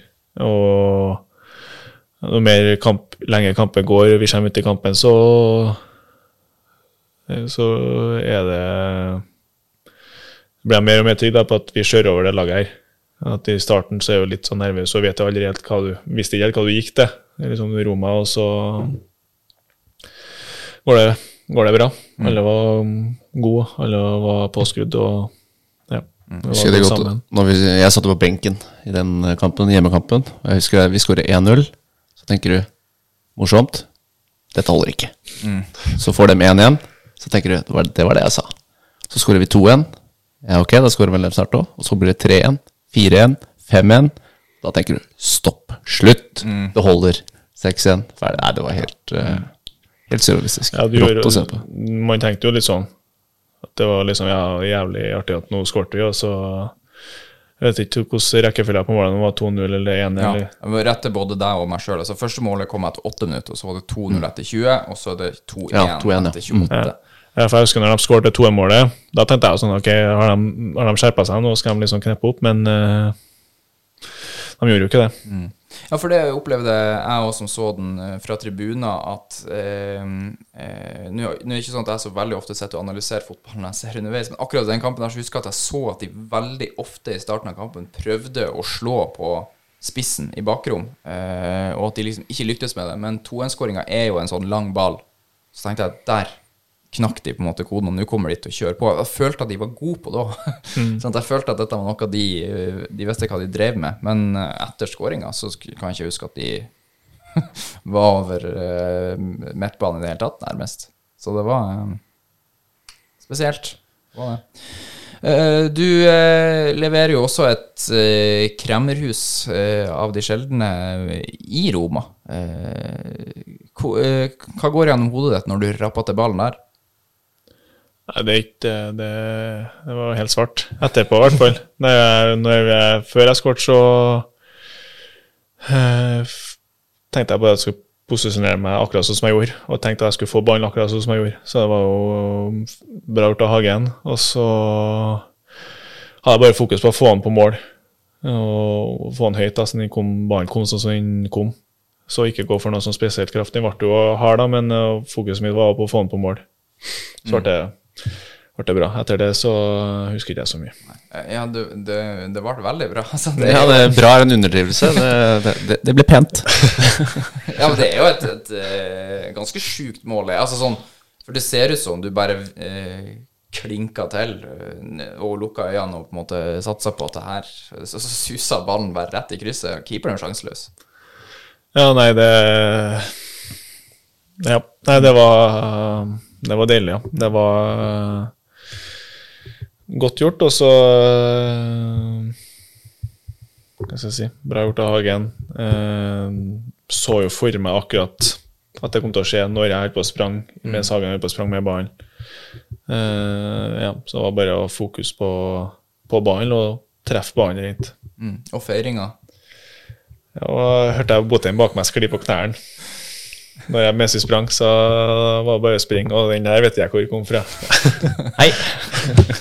Ja, altså, eh, men ble du litt upopulær da, blant heimefansen?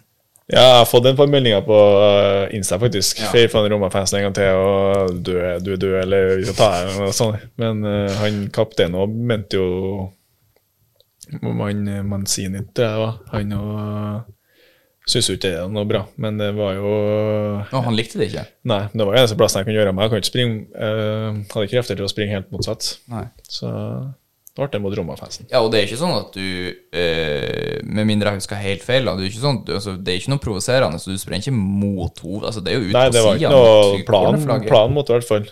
Uh, så jeg gjorde at den kom, var ikke meninga, eller det var ikke planlagt. Og, og så var det jo mot Roma-fansen. Ja, og for dere som hører dette kun på podkast, den er en slags eh, sånn eh, militærhilsen. Sånn, Kaptein, jeg vet ikke. Ja, ja jo, jo, det er jo det. En sånn eh, flat hand mot panna. Mm. Ja. Eh, så eh, ja. Den kom ut av det blå, den. Den kom, den var ikke den kom ut av det blå. Du blir jo av eh, La Gazzetta dello Sport, som er en stor eh, sportsavis eh, i Italia, så blir du kåra til banens beste i den kampen i, i Roma. Det er jo også det, fint å ha på CV-en. Ja, nei, det Jeg har lært meg Ikke bry meg så mye om børs og sånn, men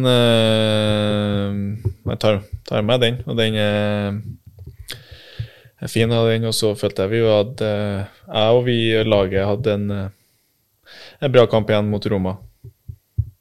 Mm, absolutt. Eh, og etter hvert i løpet av høsten eh, 2021, som vi har snakka om, ender opp med seriegull og alt det der, men for din del òg, så ender den opp med uttak på landslaget, omsider, etter at han Ståle da åpenbart har fulgt deg ei, stund og vurderte eh, inn i den troppen. Eh, jeg regner med det er òg en sånn milepæl i en fotballspillers karriere å få representere landslaget. Ja, det var noe som var veldig Det var kanskje det jeg tenkte mest på i jula. Sånn er, at det var stort. At uh, liksom være på landslaget, det var veldig stort. Uh, mens nesten Det er helt sykt, men når du var Når jeg var i Altså den høsten som var, når du var i den bobla, og det bare gikk og du liksom du rakk, deg, du rakk ikke å sitte og tenke på ting, det bare, ting bare gikk, så var jeg tenkte det var ikke sånn Når det uttaket var sånn, ja, det var bra. Og så gleda jeg meg til det, og så hadde vi fortsatt noen kamper, og hadde vel borte i Roma, blant annet. Etter, som var, den kampen var etter uttaket. For eksempel så liksom hadde fokus og hele tida hadde ikke tida til å ha så mye fokus på andre ting. Så liksom hadde fokus på den kampen. Og så etter eh, Roma-kampen så var det jo borte Haugesund som også var en viktig kamp. Uh, der du ordentlig måtte jobbe med deg sjøl. Liksom, kom fra borte Roma til borte Haugesund. Og ja, det er stor forskjell. Apropos Haugesund borte, så husker jeg For det sa du til meg en, Dette var vel i fjor du sa det til meg. Da vi møtte dem, vi sleit litt. Og så husker jeg du sa at du måtte jobbe veldig med deg sjøl for, for å få hodet på riktig plass. Så var det noe som skjedde i kampen, var det ikke? Jo. Gjorde at du klarte å switche om der. Ja, Vi ble jo kjørt som bare altså, Det var en kamp vi har blitt mest kjørt første ti minuttene. Og så klarte ikke jeg, var liksom, for jeg skulle på landslagssamling og nettopp kom fra borte Roma. og liksom Hodet mitt var liksom var ikke helt akkurat på den kampen her, og, så, og var ikke så gira på den kampen. Men så tar han, Sand, han eh, hva heter det, Niklas? Niklas Sandberg. Niklas Sandberg og dytter Alfons når Alfons er utafor banen. Og Da ble jeg forbanna. Så springer jeg bort til han og jeg husker ikke hva jeg sier, noe til han. Og da er sånn Ikke faen om det laget her. For de begynte å flokke seg rundt og skal slå oss. Ja. Og da, etter den så var jeg drikker resten av kampen. Og det var ikke aktuelt at vi skal ta på det drittlaget her. Åh, det var deilig å høre. Det likte jeg. Det tror jeg kommer til å bli populært på, blant lytterne. Hvor det er knallhard. Jeg måtte Jeg har sett deg dele ut albuer på banen. jeg. Ja, det kan jeg Det er fint, det. Ok. Uh, ja, men, men uh, tilbake til landslagssamlinga, da. Uh, du får jo debuten din eh, i en ja, Det var ikke kanskje den beste landskampen vi har sett. Eh, 0-0 hjemme mot Latvia der. Nei, ingen av de kampene var jo beste. Men nei, mot Latvia så syns jeg at jeg gjør en bra figur. Jeg gjør det bra. Uh, og så burde vi ha ja, vunnet den kampen. Så- men jeg gjør det såpass bra. Og dagen etter så var jeg veldig god på trening. Som uh, også etter det spilte jeg litt sånn konturene til at jeg kom til å starte mot Nederland. Og fikk vite dagen kvelden før, når vi hadde sånn uh, formasjonstype jeg skulle starte mot Nederland. Og det, det var stort. Og litt sånn som jeg har sagt hele tida, at du rekker ikke å tenke på det. For når du faktisk er under 24 timer til kamp, så prøver du å tenke minst mulig på kampen. Så jeg liksom kunne ikke sette meg og tenke at det her er faktisk så stort. mm. liksom Viktig kamp for Norge. Så jeg prøvde liksom å bare stenge det ut helt. Men uh, det gikk jo så, nesten så dårlig som det kunne gå, den, eh, den kampen. da, Men uh, ser på ettertid, så er det en sinnssyk erfaring jeg tar med meg med å spille mot en av verdens beste spillere, fotballspillere, liksom med Van Dijk og de Jong og ja, Depay og masse gode spillere. Og faktisk få vite at uh, gjør det bra i Glimt, og så er ikke veien så lang som du kanskje tror. Og også eh, under kampen så tenkte jeg tenkte jeg faktisk på har en av stopperne i Glimt gjort, hatt ballen nå, der Van Dijk hadde ballen.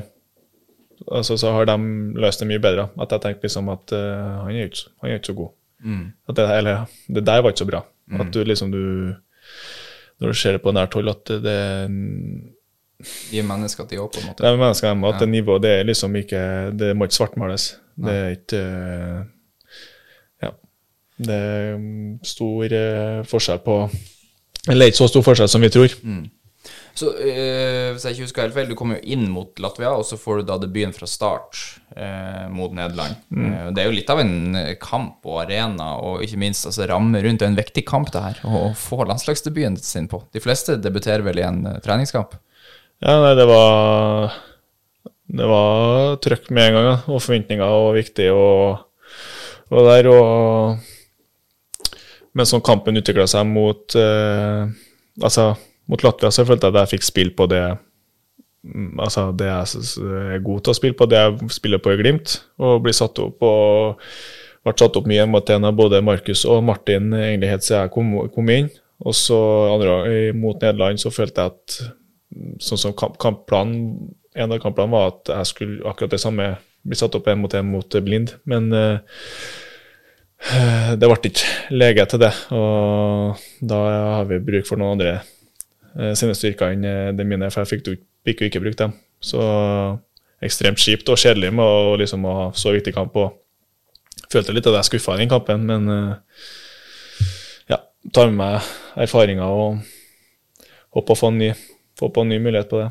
Ja, det føler jeg meg ganske trygg på at, eh, at den sjansen kommer igjen. Og, eh, og eh, da også eh, kanskje på en måte under mindre press og den type ting. Eh, føl, altså, følte du at det hadde noe å, å si, at det var en viktig kamp, og at det gjorde at den kampen kanskje Så Norge har jo en tendens til å, å, å ryke når det gjelder som mest, på et eller annet vis. Ja, så du la jo merke til at det var en viktig kamp. Du våkner opp og du vet liksom at du skal starte, starte og du kjenner jo ikke Du kjenner jo egentlig du kjenner jo ingen av dem du skal spille med. Du har møtt dem, vært med dem i seks dager og kjenner ikke dem noe godt da. Og så skal du ut og spille liksom mot Nederland, og du, hvis du skal være god da, så må du ha nesten i en livskamp. Eh, og så utover dagen så fikk jeg meldinger av folk. Jeg har aldri kommet til å få meldinger fra hvis ikke om jeg starter og hva skjer, for jeg kom jo i TV 2 og sånn her, så jeg merka jo på presset at det ble mer trykk enn hva jeg vant til. Men eh, og når du sitter på alenerom og på kampdag skal gjøre minst mulig ting, og da til slutt prøve å ikke ha med telefonen i tillegg, så da begynner jeg å tenke, ikke sant? Da begynner jeg å tenke på hvor, egentlig hvor viktig det er. Så jeg følte akkurat på den kampen her, så begynte jeg å, å føle litt på presset. Det var første gang i, år, i fjor jeg følte på et ordentlig press på min egen del, på min egen vegne. Du, eh, vi har, eh, vi har prata i lag eh, lenge, godt over en time nå. Jeg tenkte vi skulle gå over til litt lytterspørsmål. Og det er én ting som på en måte veldig mange har lurt på, da, Ola. Det er jo dette intervjuet som du gjorde før dere møttes igjen nå, der du snakka om at du ikke ønsker å forlenge kontrakten din i Glimt. Og det er mange som lurer på liksom, hva som er tankene dine her? Kan du, kan du fortelle litt med måte, egne ord om, om vurderingene her, og hva du, eh, hva du tenker? Ja, nei, akkurat den uh, saken, eller sitt, sitt, at eh, hvordan jeg har sitert, har jeg snakka med han journalisten og si at det kom feil ut. Så det var jo ikke sånn jeg satt og sa det.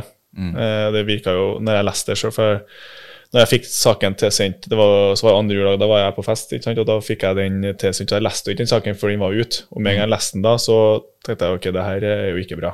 Så da ringte jeg Håvard med en gang liksom bare sa hva egentlig greia var.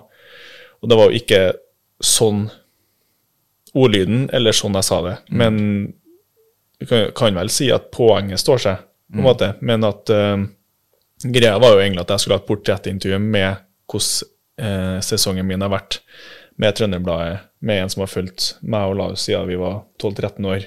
Liksom som en fyr jeg stoler på, da. Så liksom jeg, kanskje at jeg senka garden min litt, og kanskje får snakka meg litt. Eh, for jeg har aldri, jeg vanligvis stilt på et intervju, så jeg har aldri kommet til å snakke om kontraktsituasjonen min. Det, hvis du bare ser på andre intervjuene mine resten av den høsten, så er jo ikke det sammenheng med det intervjuet der. Så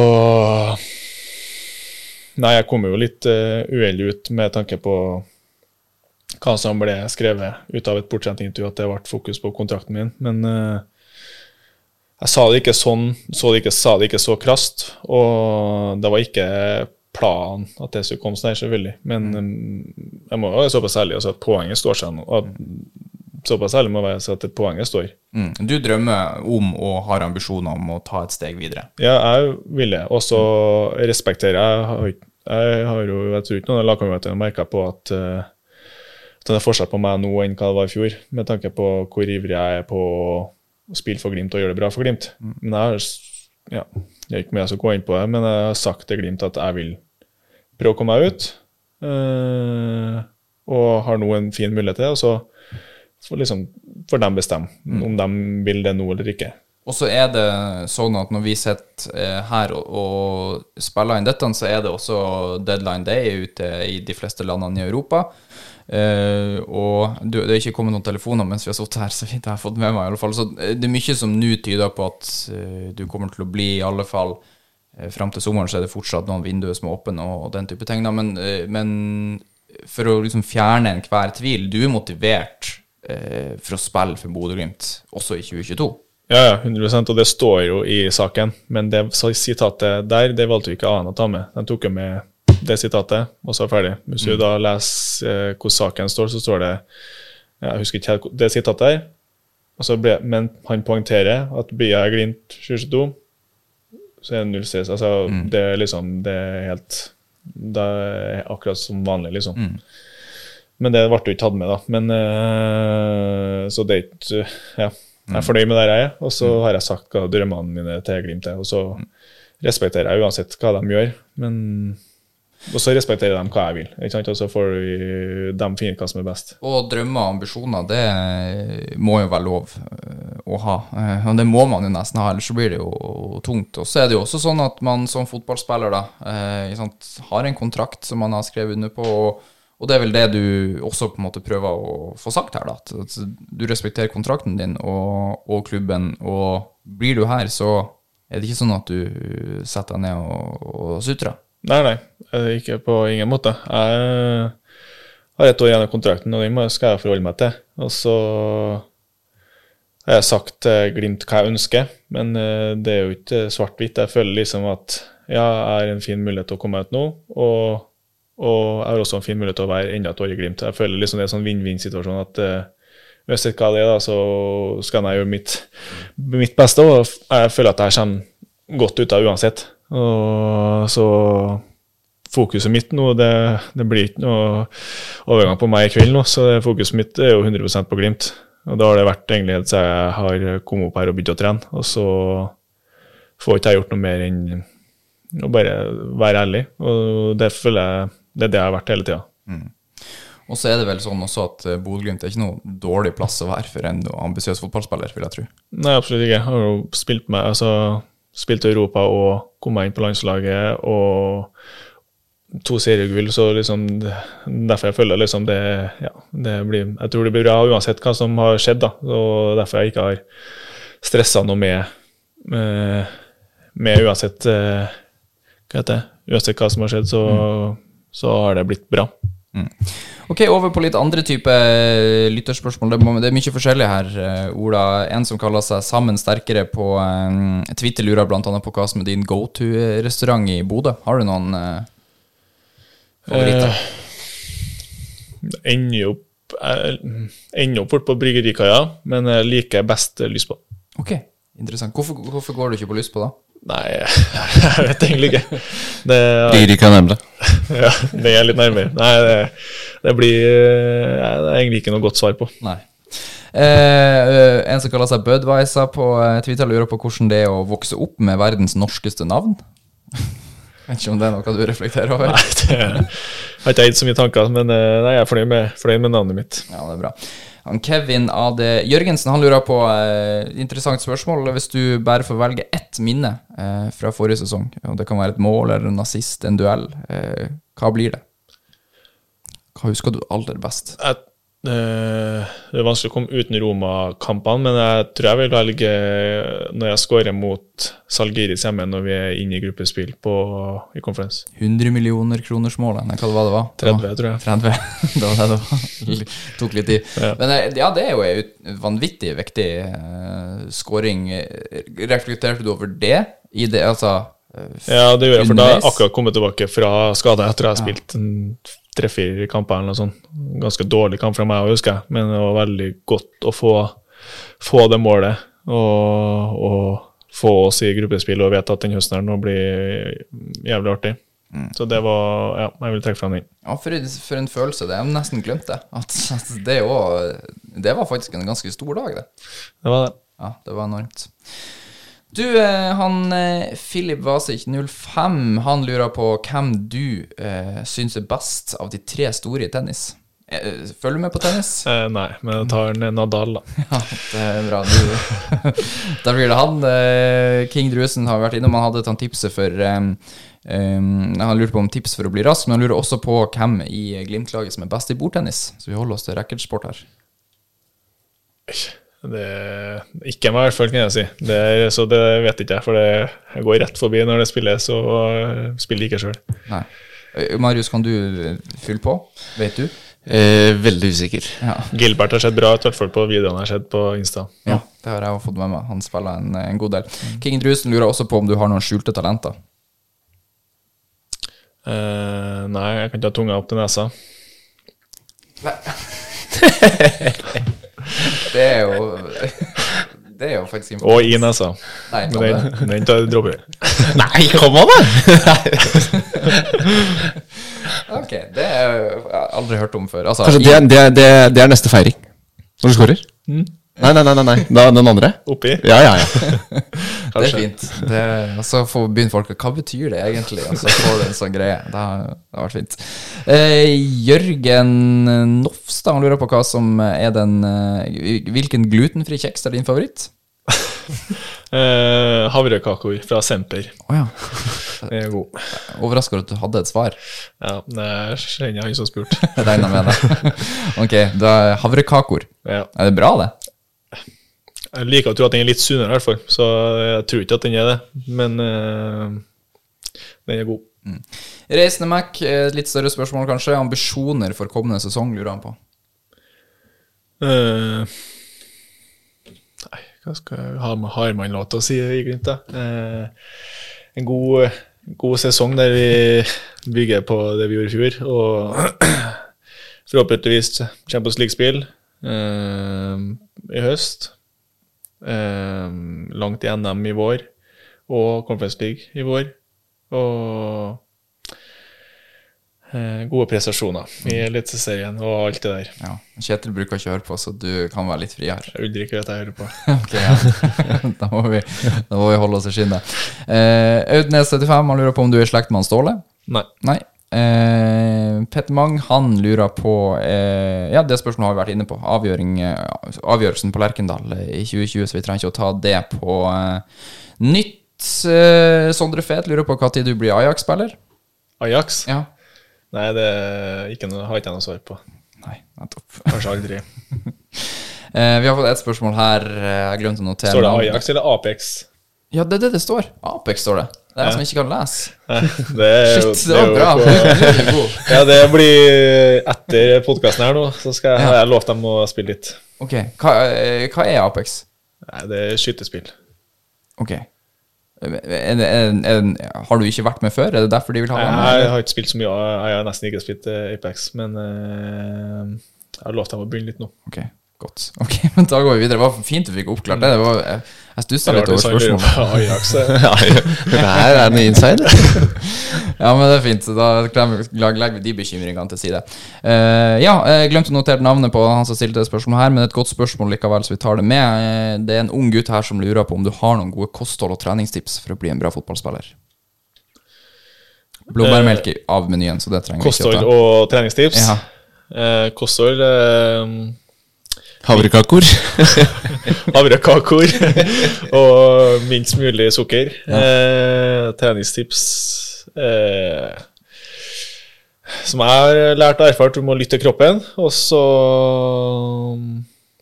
trene så mye du vil og orker, men lytte til kroppen. En ny lagkamerat som vil ha deg med å game her, Alfons Samstedt, lurer på hvordan det går med Clash of Clans-spillinga di. Det er bra. Jeg holder på å rekruttere bra. Herbråten er med. Oh, ja. Brede kom inn, Hugo inn, broren til Alfons er med. Jeg jobber med broren til Brede. Eh, har vi noe for det? Og han Jørgen Ofstad som jeg sendte spørsmålet med. Ja. Så vi begynner å bygge Jeg fikk et avslag av en klan nå i, i jula som eh, satte en støkk i meg, så nå skal jeg på å bygge opp en egen klan, og så skal vi knuse den klanen Ok, deres. er det to ord om hva det spillet her går ut på? For det det her var masse informasjon, kjente jeg. Jeg, jeg begynte å spille i jula. Jeg var på hyttetur med Olaus og kompiser. Og så har han en sånn klan på Clash of Clans, og så begynte jeg å laste ned bare jeg òg. Og så sa jeg ja, invite, invite meg i klan, klanen. Da tenkte jeg liksom bare jeg skulle være med. Nei, det var for dårlig, sa han. Og så etter det så har jeg bare jobba som rakkeren, og så bygde opp min egen klan. Og nå skal vi ta, når vi blir brannet, så skal vi knuse til klanen deres. Okay. Men i bunn og grunn så er det et strategispill, da. Hvor du eh, Og du vet ikke hva det er? Slåss. Nei, altså, jeg, jeg har aldri prøvd det, men jeg har fått en halv milliard eh, sånne reklamer for dette spillet på Facebook og Instagram. Husker du Age of Empire? Ja, ja, ja, ja, ja. li, litt altså i typ samme gate, da. Nettopp. På en måte. Ja. Men det, det, er online-drevet, da, så her gjengen er samla på samme klan. Ja, og så har jo broren til Alfons og broren til Brede prøver å få inn for å høre dem er gode. Ok, ja, så du må Ja, jeg Så hvis du er god, så har du vært med, du òg. Nettopp. Men er ett mål, og det å slå en klan. Ja, og Da vet jeg hva jeg skal gjøre i kveld. så det er bare å legge seg i hardtreninga. Eh, uh, By 4 han lurer på eh, om vi kan spørre deg om hva du syns om alle de unge supporterne som står og venter på dere utenfor garderoben etter kamp. Eh, jeg syns det er veldig hyggelig og artig. At, uh, ikke alltid like artig når det var minus ti, eh, selvfølgelig, men uh, jeg syns det, det er veldig givende at det er unge Jeg har vært der, har vært der sjøl, så det syns jeg veldig, er veldig artig. Å prøve å, prøve å ta meg tida til dem uh, når jeg møter på dem utafor etter kamp. Helt til slutt, eh, Elisabeth B. Karlsen inne på det samme. Hun vil først og fremst gi deg litt skryt for at eh, Eller ganske masse skryt for at du alltid er blid og, stiller opp når du møter fans. Skriver at hun setter stor pris på det, så det er jo fint å ta med seg. Så lurer jeg også på da som, hvilken klubb som er liksom barndomsdrømmen, guttedrømmen din å, å spille for. Eh, Ajax. Nei. Si noe annet enn Melhus nå, for ellers så Melhus er jeg er 36, Ja. men eh, nei, jeg er Real Madrid-fan. Det har vært eh, nesten hele tida. Så det må jo bli dem, da. Mm. Hun har også et Det kan hende at svaret er det samme, eh, men spørsmålet er litt todelt. For hun lurer også på om liksom, hva er det neste steget, sånn realistisk sett, eh, for din del, tenker du? Nei, det har ikke jeg tenkt så mye på akkurat hvor og hva og når det steget er. Eh, fotball er, eh, er jo ferskvare, så det, man vet nå aldri. Men eh, en av topp tre, topp fire ligaene eh, eh, i verden, det kunne vært, kunne vært noe. Ola Solbakken, eh, jeg må takke så mye for at du stilte opp. Det var veldig hyggelig. En og en halv time går fort, og eh, ja, når man har det gøy. Tusen takk for praten. Jo, takk for at jeg fikk være med. 433. Yes! Det var den praten. Eh, Nydelig eh, levert. Er lengste podkasten vi har laga. Snakkesalig mann, eh, Ola Solbakken. Ja, han var litt sånn eh, Før vi skulle starte, så var jeg litt spent på om han eh, Han pleier å være litt kort innimellom. Ja. Eh, er, du, du får ikke de lengste setningene ut av han, men eh, jaggu, han, eh, han byr deg på. Det er vi som gjør lager sånn heimekoselig miljø, vet du. Det, det er det jeg liker å tro. Ja. Og den vi skal lage heimekoselig miljø for i neste ukes podkast, det er din gode venn eh, Hugo Vetlesen. Det blir fint. Hugo Vetlesen, det, det gleder jeg meg til. Han ja. har jo faktisk bodd eh, to, to etasjer under meg, han, i Byparken. Så han, eh, han har jo noen stories på, tror jeg. Ok, ok, ok, ting som skjer i trappeoppgangen, med andre Ja, ord. ja det Vi får se hva vi drar på hatten. Jeg gleder meg til det. Klikk dere inn på Twitter-kontoen vår eller Instagram-kontoen vår og legg igjen spørsmål eh, dere som hører på hvis dere har noe dere lurer på til Hugo Vetlesen. Og så sier vi eh, enn så lenge på gjensyn. På gjensyn. Jeg elsker